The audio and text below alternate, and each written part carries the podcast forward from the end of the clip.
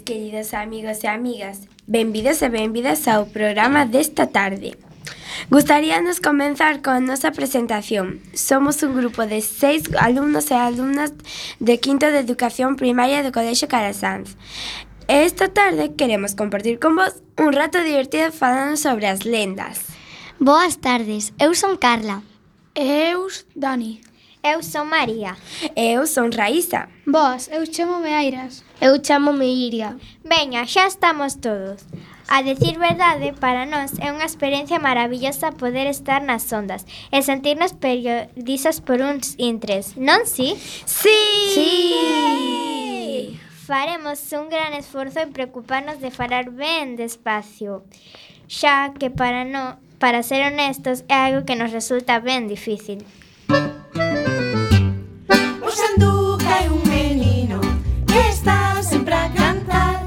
Cando ven da escola traes dentro da sacola unha canción para dar Cando ven da escola traes dentro da sacola unha canción para dar No outro día ben contente encontrei un xardín Dixe mai tía veña para aquí aprender a lenga lenga que comeza así Dixe mai tía veña para aquí aprender a lenga lenga que comeza así Tum piscatunga ta piscatunga laribe piscatunga tinga Oh, eh, beri, beri, beri, be, pizkatunga lari be, pizkatunga ta. Tum, pizkatunga ta, pizkatunga lari be, pizkatunga tinga. Eh, beri, beri,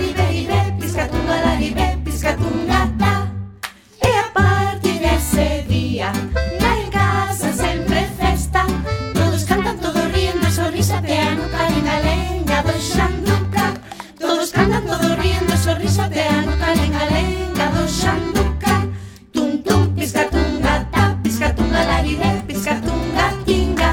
Oe, beri, beri, beri, be Pizkatunga larire, pizkatunga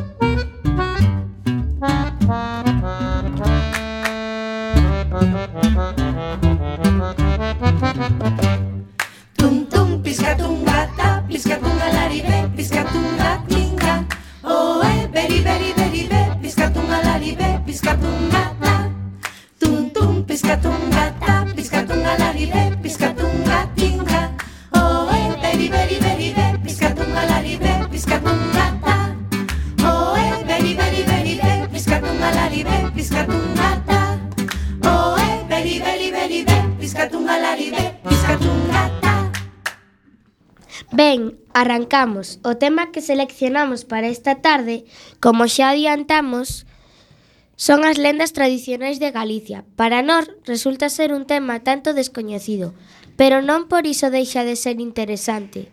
Como moitos de vos saberedes, existen grandes historias da Galicia imaginaria, da Galicia en de, en, de mitos, lendas, ritos, contos, romances e aventuras que afortunadamente residen fronte ao esquecemento que seguen moi vivas na, na nosa memoria colectiva.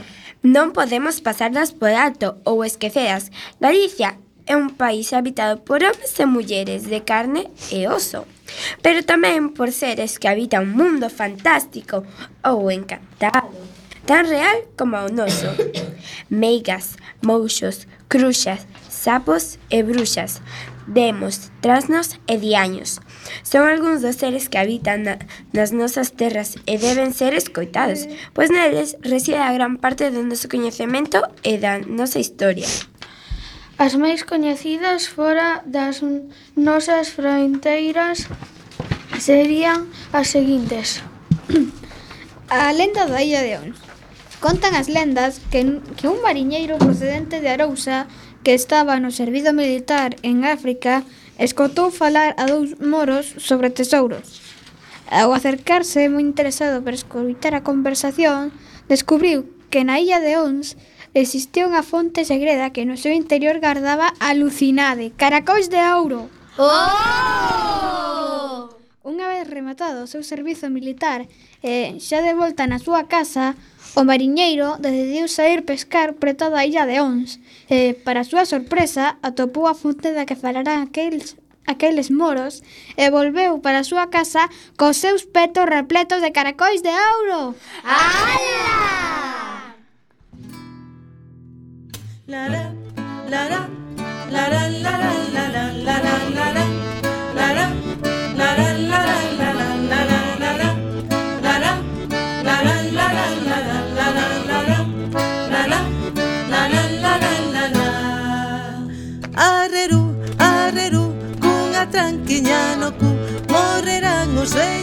todos quedaremos eu e tú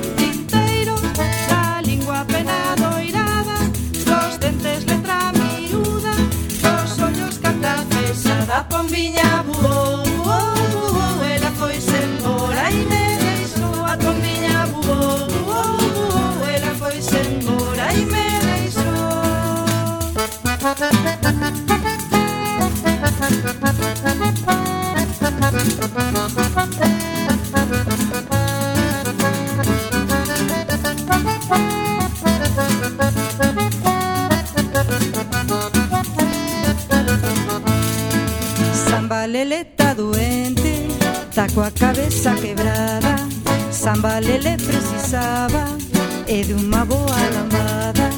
Samba, samba, samba Lele, pisa navarra da sayolala. Samba, samba, samba Lele, pisa navarra da. Samba Lele está duente, taco a cabeza quebrada, Samba Lele precisaba, es de una boa lambada. Samba, samba, sambolele, izana balada saiola Samba, samba, sambolele, izana balada saiola Aí vai o señor Noé comandando o batallón O mono vai sentado na cabeza do león O oh, gato vai miau, miau, miau, miau. Oh, o can fai guau, wow. uh, uh, uh. Perú fai uh! Carneiro fai né E o galo cando quer que quere que que que que Aí vai o señor Noé comandando o batallón O mono vai sentado na cabeza do león O gato fai miau Miau, miau, miau O can fai guau wow. Perú fai uh! Carneiro fai me E o galo cando quer que quere que que que que E o galo cando quer que quere que que que que galo galopando que, que, que, que, que, que, que. Outra das lendas máis significativas da nosa comarca é a de Santa Compaña. Coñecedela? Creo que es que algo escoitei, pero dá un pouco de medo, non? Veña, non sedes unhas cagóns. Pois ben, escoitade que é unha das miñas favoritas. A Santa Compaña represéntase con unha profesión de mortos ou animais en pena que valgan en errantes a partir das 12 da noite polos camiños das parroquias. A razón do seu percorrido é visitar a morada de todo aquelo aquela que vai a falecer nun breve período de tempo. Que, yu, que yuyu! Que, que medo! Eh, en serio? Este mito está moi extendido e a súa percusión é tal que sai incluso das nosas fronteiras, chegando a ser coñecida en Asturias, aínda que ali é coñecida con outro nome.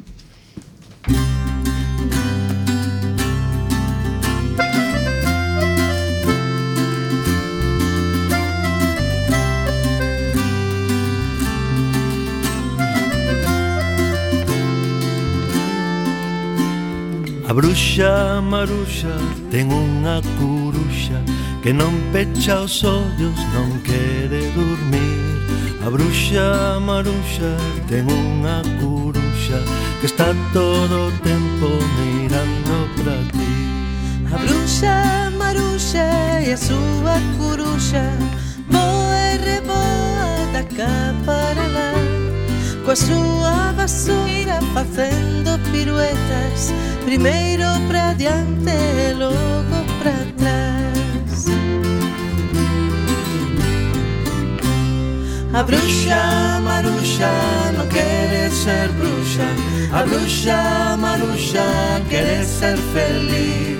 Foi ao mercado vender a coruxa E xa lle marchou o grado nariz.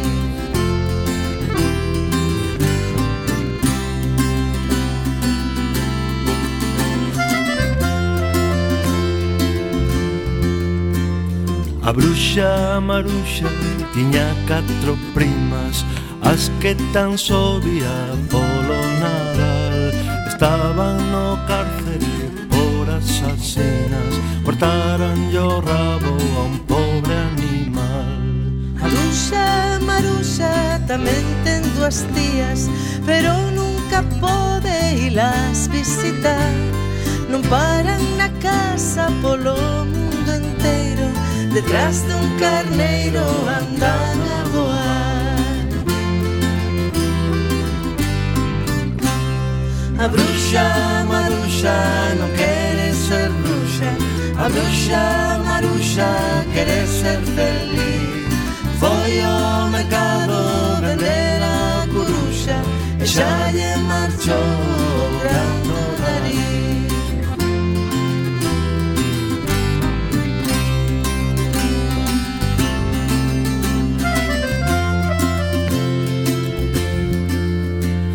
A bruxa Maruxa tiña un segredo Guardado no peto do seu camisón. Ninguén sabía o que agocharía Se pata de galo dente de león. A bruxa Maruxa nunca foi en vano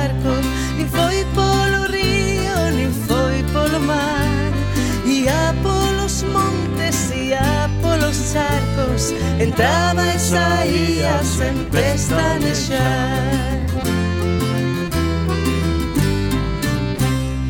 A bruxa maruxa non quere ser bruxa A bruxa maruxa quere ser feliz. Foi ao mercado vender a coruxa E xa lle marchou o gran nariz ella ye marchó obrando nariz, ella ye marchó obrando nariz. Marusha, Marusha, Marusha, Marusha, Marusha, Marusha, Marusha, Marusha, Marusha, Marusha. Maruxa A bruxa, Maruxa A bruxa, Maruxa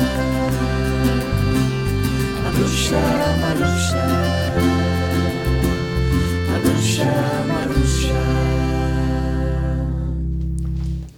Outra lenda das máis recoñecidas é a do apóstolo Santiago. Queredes que vola conte? Sí, sí por favor! Conta a lenda que os restos do apóstolo, acompañados por cuatro dos seus fieis discípulos, surcaron a ría de Arousa e do Ulla nunha marca de pedra para chegar a Galicia. Unha vez en terra, ataron a barca a unha pedra, máis coñecida como o Pedrón de Iria Flavia. Despois das mult múltiples dificultades que os seus discípulos tiveron que sortear, lograron por fin darle sepultura ao apóstolo preto dun bosque chamado Liberum Domum. Tras séculos e séculos da, de prohibicións, no ano 813, un ermitaño que estaba pola zona Pola zona veu un gran resplandecer no lugar e acudiu rapidamente. Unha vez ali descubriu que estaba enterrado. Por mor deste suceso coñécese o lugar como Campus Estellae, o campo da estrela, de onde derivaría o actual nome de Compostela. ¡Hala! ¡Como mola esta historia! Yeah. Sí, é unha pasada. Alegría. Alegría, uh,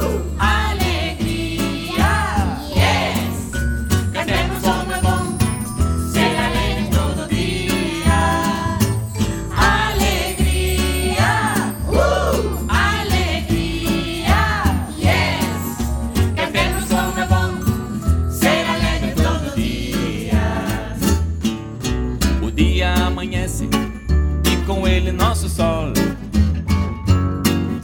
Brillante colorido, nun sorriso alto astral.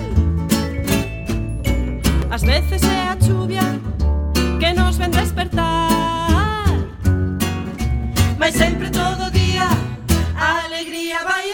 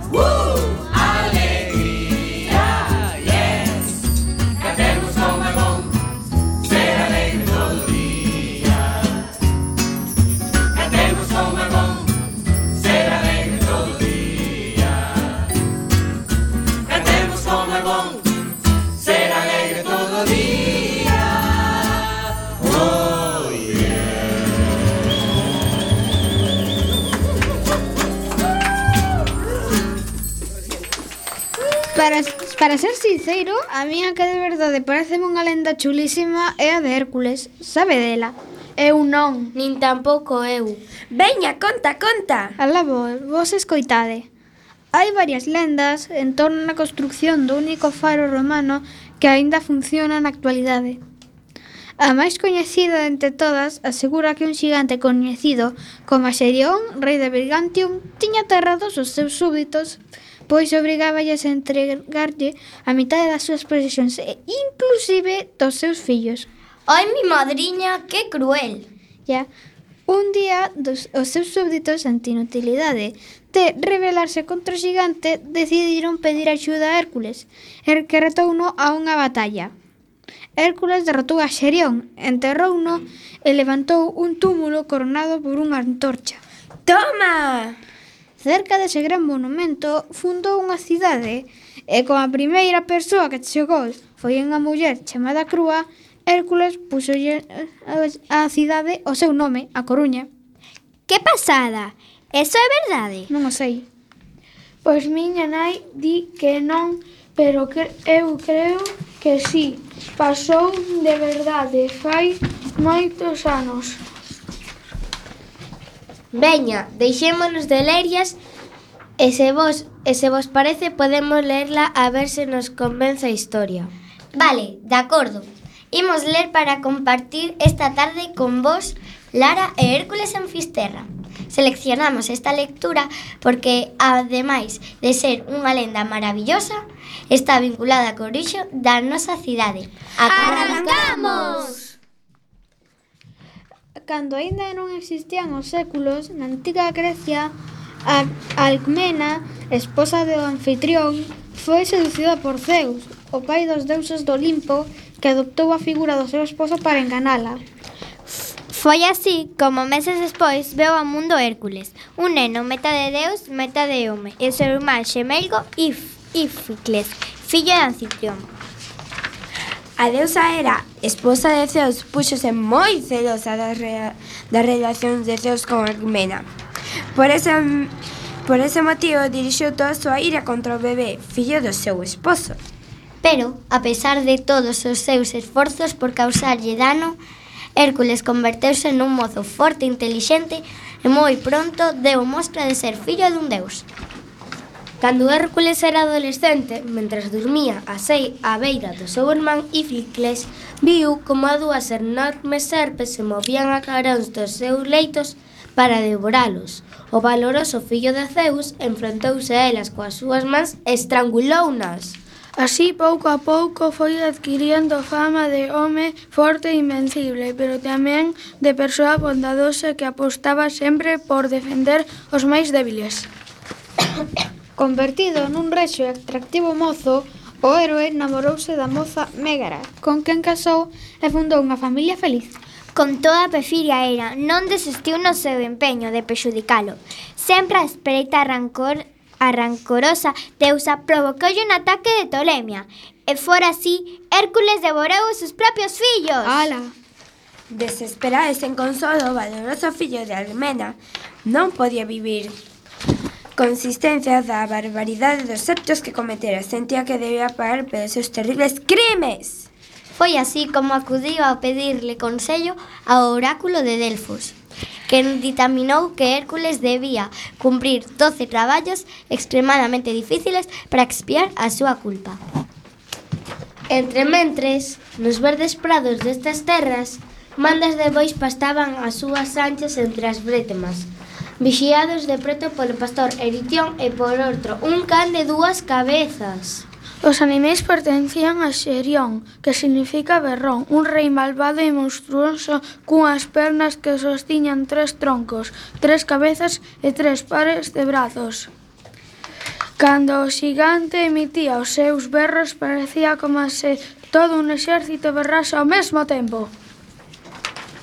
O malo que era Xerión era tal que tiña terrorizadas as boas xentes das aldeas e vilas circundantes. Non só roubou o seu gando, senón tamén as súas fillas e fillos, como xa dixen antes.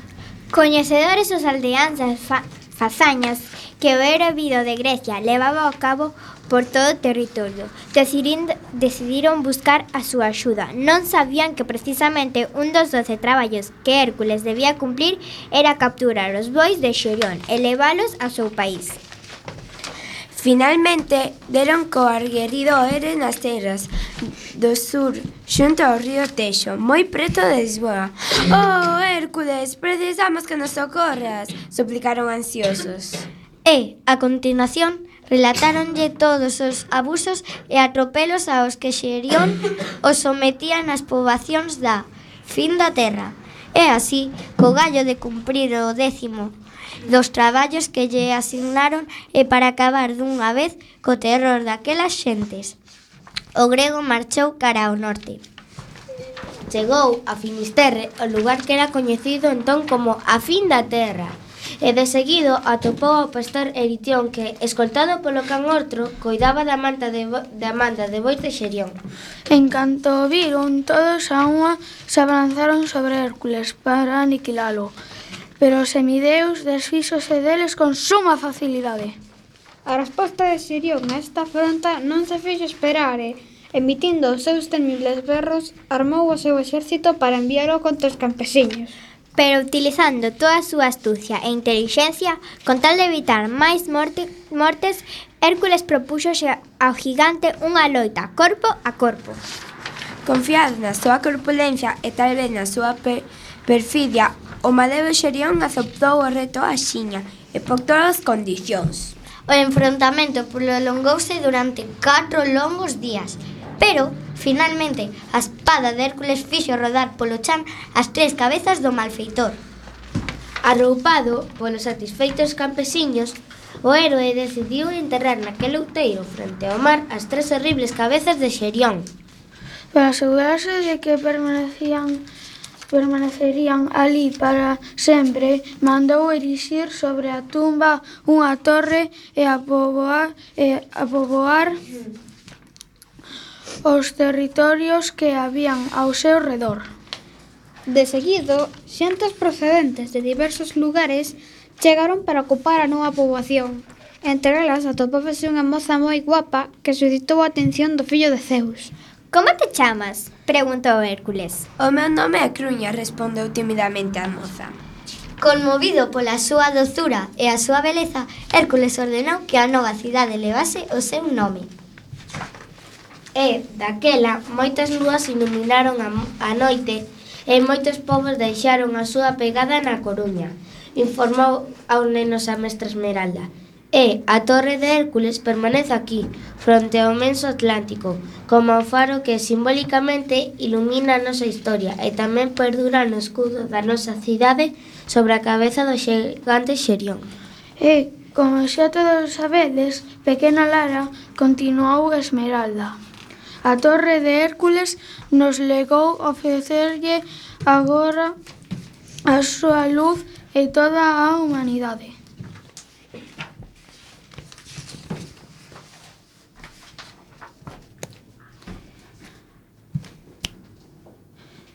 Ala, que pasada! Canto desfruto con esta historia, non me canso de escoitala. Pois eu non sabía dela, pero agora deumo conta do sentido do escudo da nosa cidade. É verdade.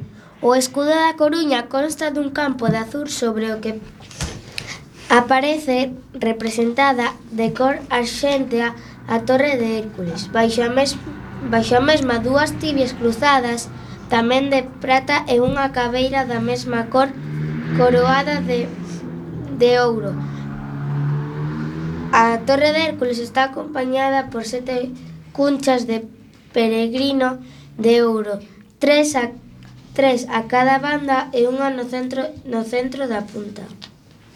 A cabeira e as canelas cruzadas que aparecen no escudo aluden ao relato mítico da fundación da cidade que acaban de escoitar. Segundo a lenda, no lugar no que actualmente se atopa a cidade da Coruña, Hércules venceu e cortou a cabeza do seu enemigo, o rei Xerión, que chegara de Troia. Hércules decidiu soterrar a testa e ergueu no seu lugar a primitiva torre como recoñecemento ao rival.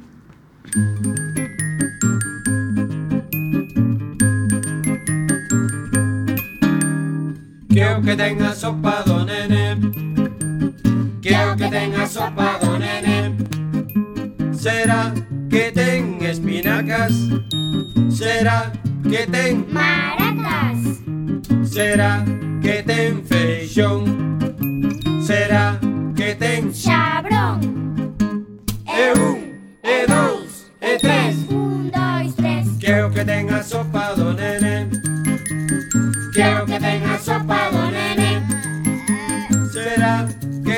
fariña? ¿Será que ten fariña? ¿Será que ten macarrón? ¿Será que ten mandilón? E un, e dos, e tres, un, dos y tres. Quiero que tenga sopa, donere. Quiero que tenga sopa, donere. ¿Será que ten cabatillo? ¿Será que ten alumín? ¿Será que ten berenxena? ¿Será que ten Varicela. E un, e dous, e tres. Un, dois, tres. Quero que tenga sopado, nene.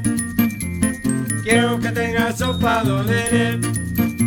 ¿Será que ten carioca? ¿Será que ten miñoca? ¿Será que ten pirixel? ¿Será que que tem cascavel.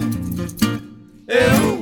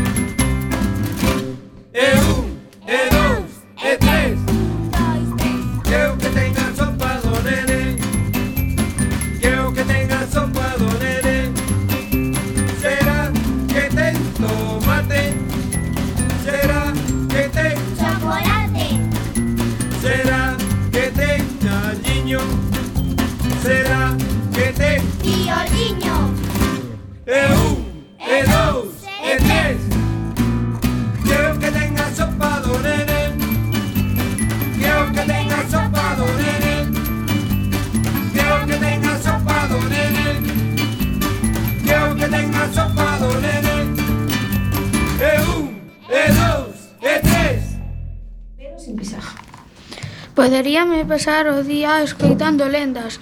So, son mi in, son moi interesantes. A mí a de Hércules me encanta. A miña favorita é a de a de Santa Compaña. A mí a de Illa de Ons. A mí gustanme todas, máis ou menos. Sabedes quen sabe moito de deste tema? Non, quen? Pois creo que Lupe, a profe de galego de bacharelato do noso cole e, ademais, creo que non habería inconveniente en chamala para preguntarlle máis datos sobre lendas e historias tradicionais. Facémolo? Por suposto! Lupe xa nos ha collido o teléfono. Boas tardes, Lupe. Des... Hola, boas tardes a todos. Que tal, rapaces? Bastante ben. ben. Sí. Que Xa este vos estiven escoitando, estou impresionada. Canto sabedes de lendas galegas, eh? Que gusto. grazas. Moitas grazas.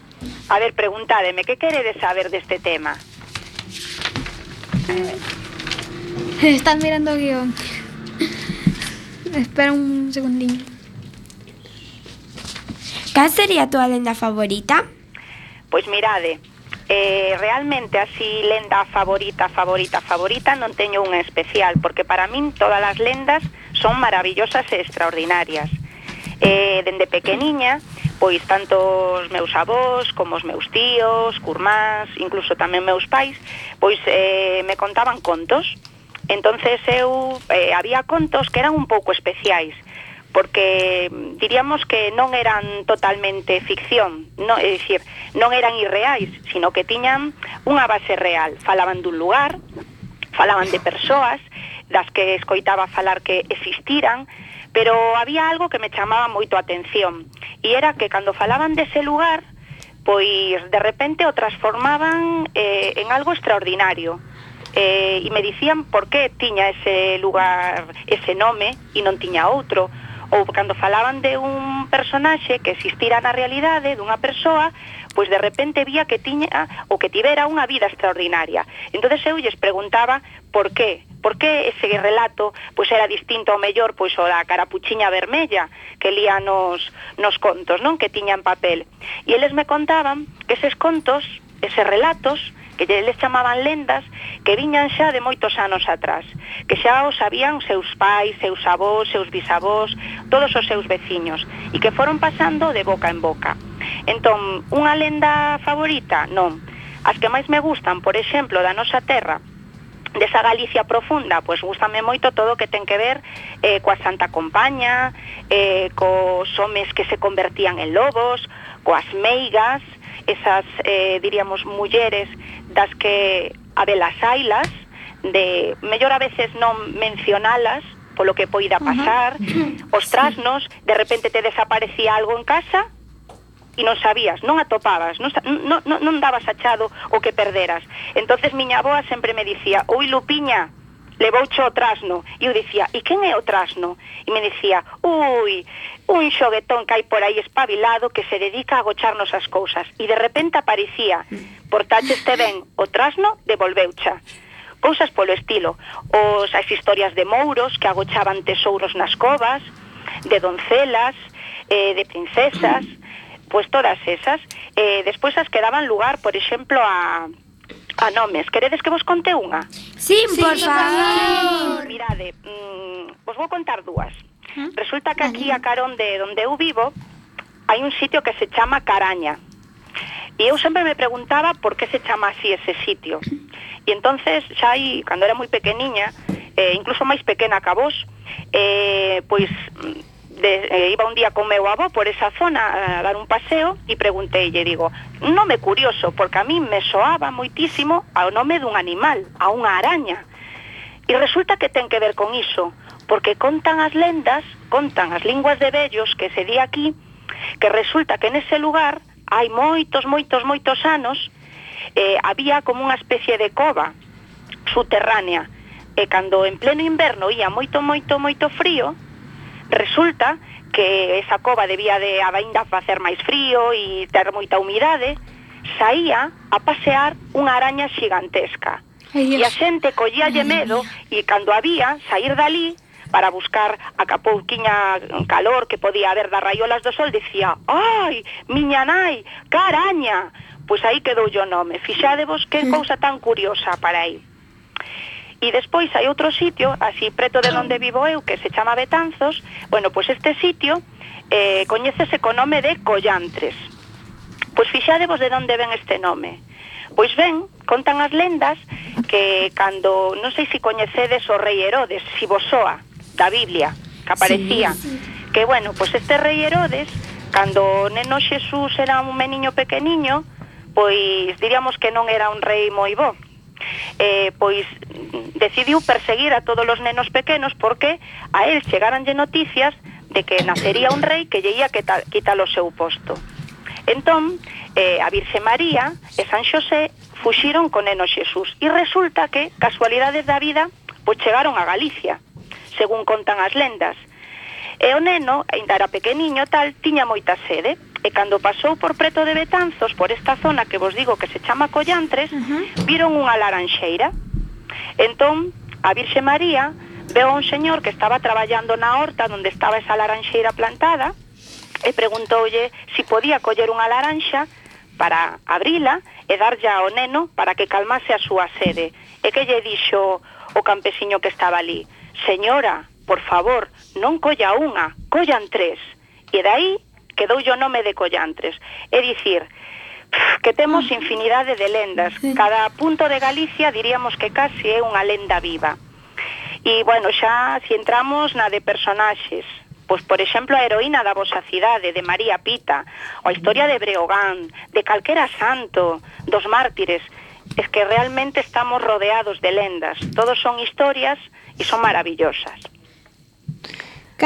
Ai, miña madriña, canto sabes, Lupe.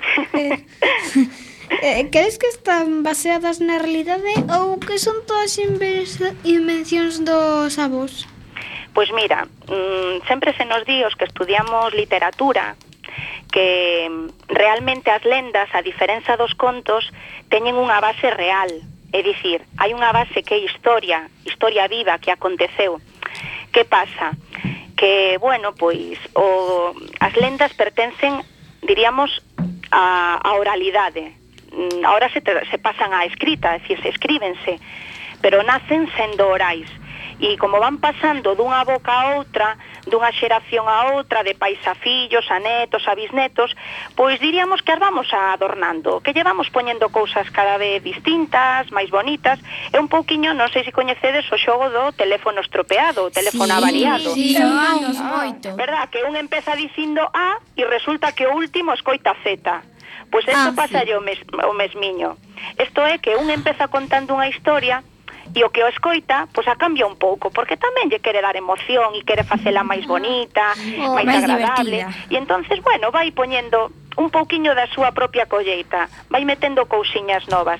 E ao final, pois acaban xurdindo estas historias que sí que teñen eh, unha base real, porque realmente as lendas, para que os saibades, nacen para dar explicación a algo que nun determinado momento non se é capaz de explicar e de comprender poñovos un exemplo.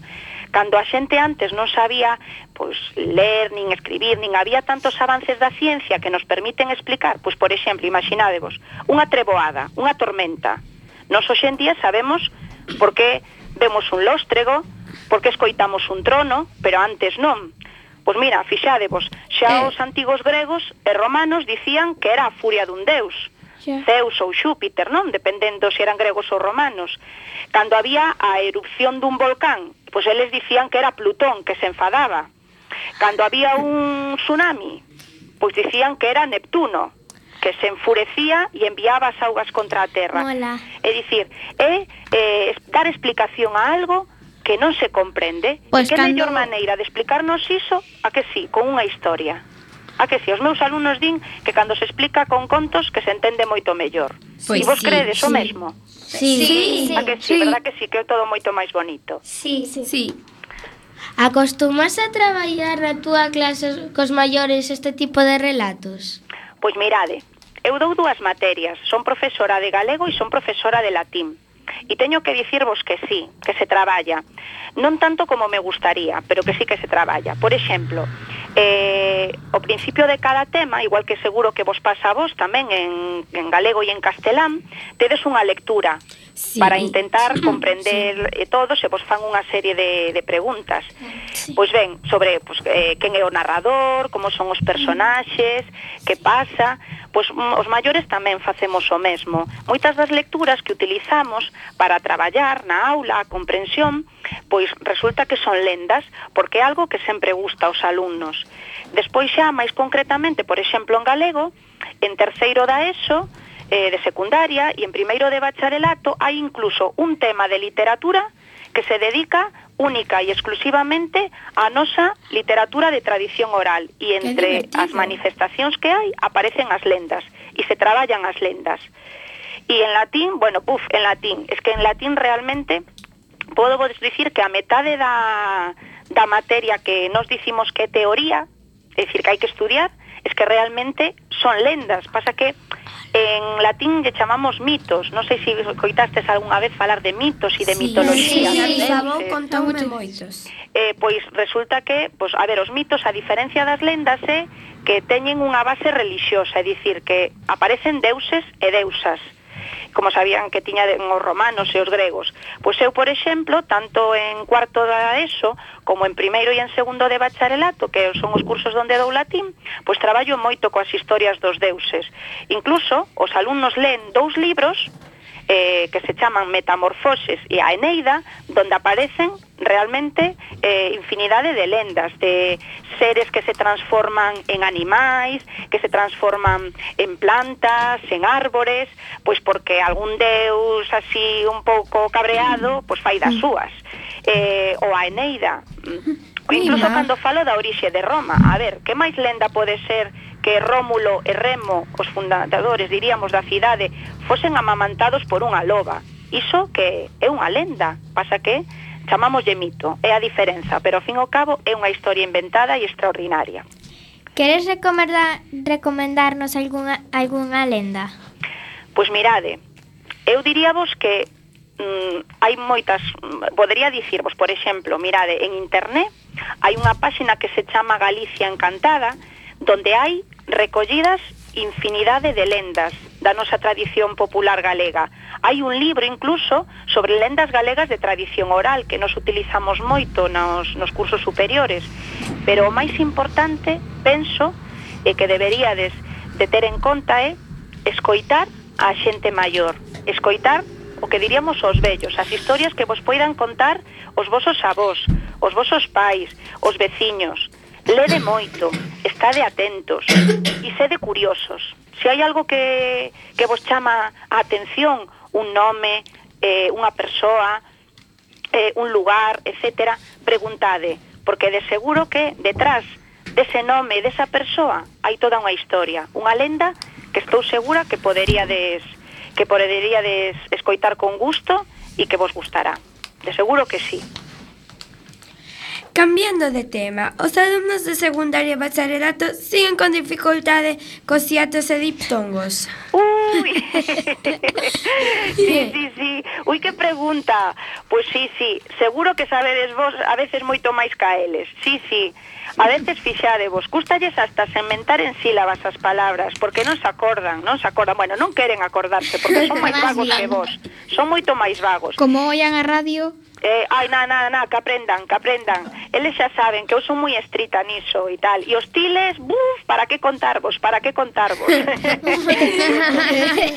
Nosotros tampouco somos moi buenos. Sí, bueno, bueno, pues mirade, eh, eh, eso é importante que traballedes moito iso porque eh, escribir ben eh, eso mm, vos vai a facilitar moitísimas cousas, pero escribir correctamente vai facer de vos unhas persoas extraordinarias, porque eso entra pola vista.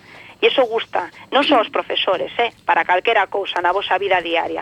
Pero sí, sí, os ditongos e os hiatos e tal. E que si crecentes, decrecentes, que si abrimos e pechamos la boca, si sílabas distintas, uff, historias, historias, tería para contarvos toda a tarde aquí. Mi madriña, o que hai. Mm. eh, Outra cousa, eh, a min os meus os, os meus pais eh, non me contan lendas, axúdanme pero non me contan lendas. Eh, pero os, um, os meus avós a veces contanme algunhas. Pois mira, eh, unha boa idea sería, se si tes a posibilidade de que cando te, os teus avós eh, te conten lendas, ou ben que os graves, ou ben que as escribas. Porque iso incluso podedelo facer tamén para a revista do colexio, para a revista Croa, e sería publicada. Eu préstome a axudarvos sin problema ningún a darlles forma, a poñelas bonitas, pero non sabedes o interesante que pode chegar a ser eh, recoller todo, toda esa sabedoría, porque ao fin e ao cabo todo iso ven sendo a herdanza que nos van deixando todas esas xeracións que foron antes ca nós e que nós si somos boas persoas, que seguro que sí, podemos deixarlle tamén os que veñan despois, pois o día de mañá, cando se xades maiores e teñades pois sí. fillos. É moi bonito que vaya pasando eh, dunha xeración a outra. Mm. E se si non podemos deixar outras cousas, pero eso seguro que sí. Cambiando do tema das lendas e volvendo ao do colexo. Sí. A que idade entendeu que quería ser mestra?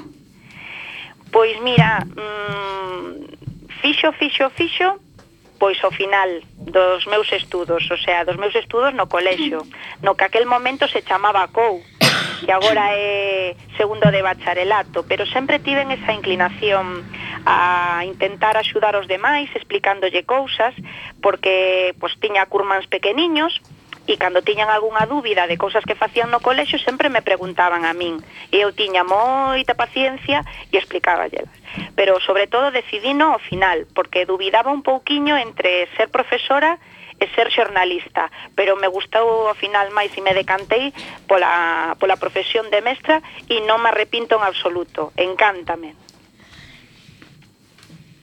A que idade decidiste dar clase? Pois decidir dar clase encantaríame facelo desde o momento en que quixen ser profesora, pero Creo empecé... que refírese a cando empezaste a dar Empecé. clase e deixaste o a carreira o Sí. sí. Pois mira, aos 26 anos empecé acabei xusto os estudos e en, de doutorado e empecé a, a dar clase xusto no colexio, en Calasam. Empecé aí e aí sigo. Uh -huh. Que xa levo 17 anos, moitos, moitos anos. Vale. Fichestes prácticas en algún diferente colexio? Sí, eh, cando rematamos a carreira, os que vamos para profesores de secundaria ou de bacharelato, facíamos un curso de preparación para dar clase e nos mandaban facer unhas prácticas. E eu fixenas donde vivo eu en Betanzos, no Instituto Público, no Francisco Aguiar, que está aquí. E unha anécdota, cosas curiosas a veces da vida, eh, fun profesora de prácticas de un profe do cole tamén, que temos en secundaria, de Alexandre. O sea que, mira, donde a final mestra e alumno foron a traballar xuntos. Uh -huh. cal, é asignat cal é a túa asignatura que máis che gusta? Eh, obviamente, galego. Esa é pola que diríamos eh, quero ser profesora. Uh transmitir o cariño pola nosa lingua e pola nosa cultura, entre outras cousas a literatura, a, a toda a xente que me queira escoitar, neste caso, bueno, pois os alumnos. Vale. Eh, volvendo ao tema das lendas, crees que a Torre de Hércules está ben onde está ou estaría en outro sitio? Pois penso que debería de estar aí. Un faro ten que estar marcando un camiño e que mellor camiño entre a terra e o mar xusto no extremo é, diríamos, a guía buf, para, para moitas cousas. Para min é a guía de Europa. Non podo dicir outra cousa. Para min, perfecto donde está. Moitas grazas pola túa eh, moitas grazas pola túa co, túa colaboración. Deica mañá. Ata mañá. Ata logo. Grazas. Chao. Chao. Grazas a vos, rapaces, e parabéns polo programa, vale? Seguid Chao. así. Vale, Moitos. Hasta logo. Chao. Chao.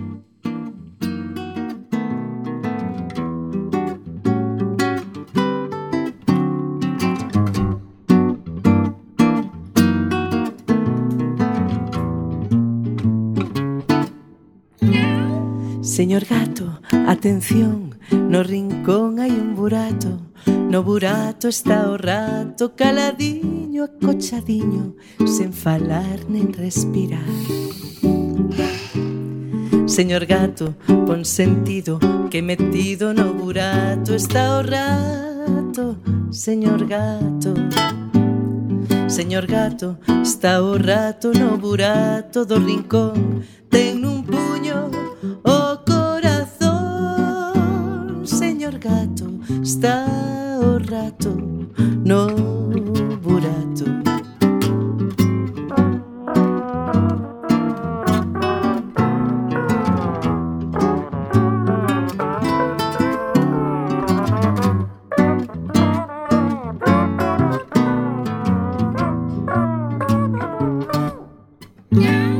Señor gato, atención, no rincón hai un burato No burato está o rato caladiño, acochadiño, sen falar nen respirar. Señor gato, pon sentido que metido no burato está o rato, señor gato. Señor gato, está o rato no burato do rincón, ten un puño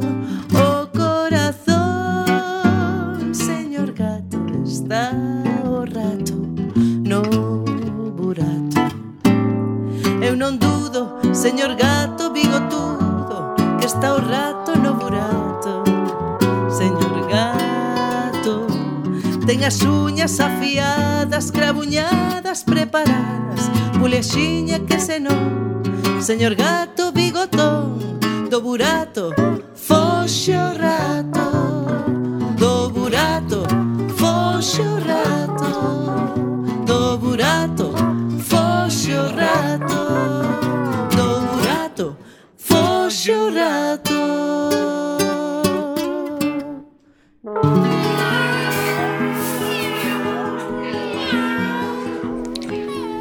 Grazas tamén a todos e a todas os radio ouvintes que esta tarde estivéchenos acompañando. Ata a próxima!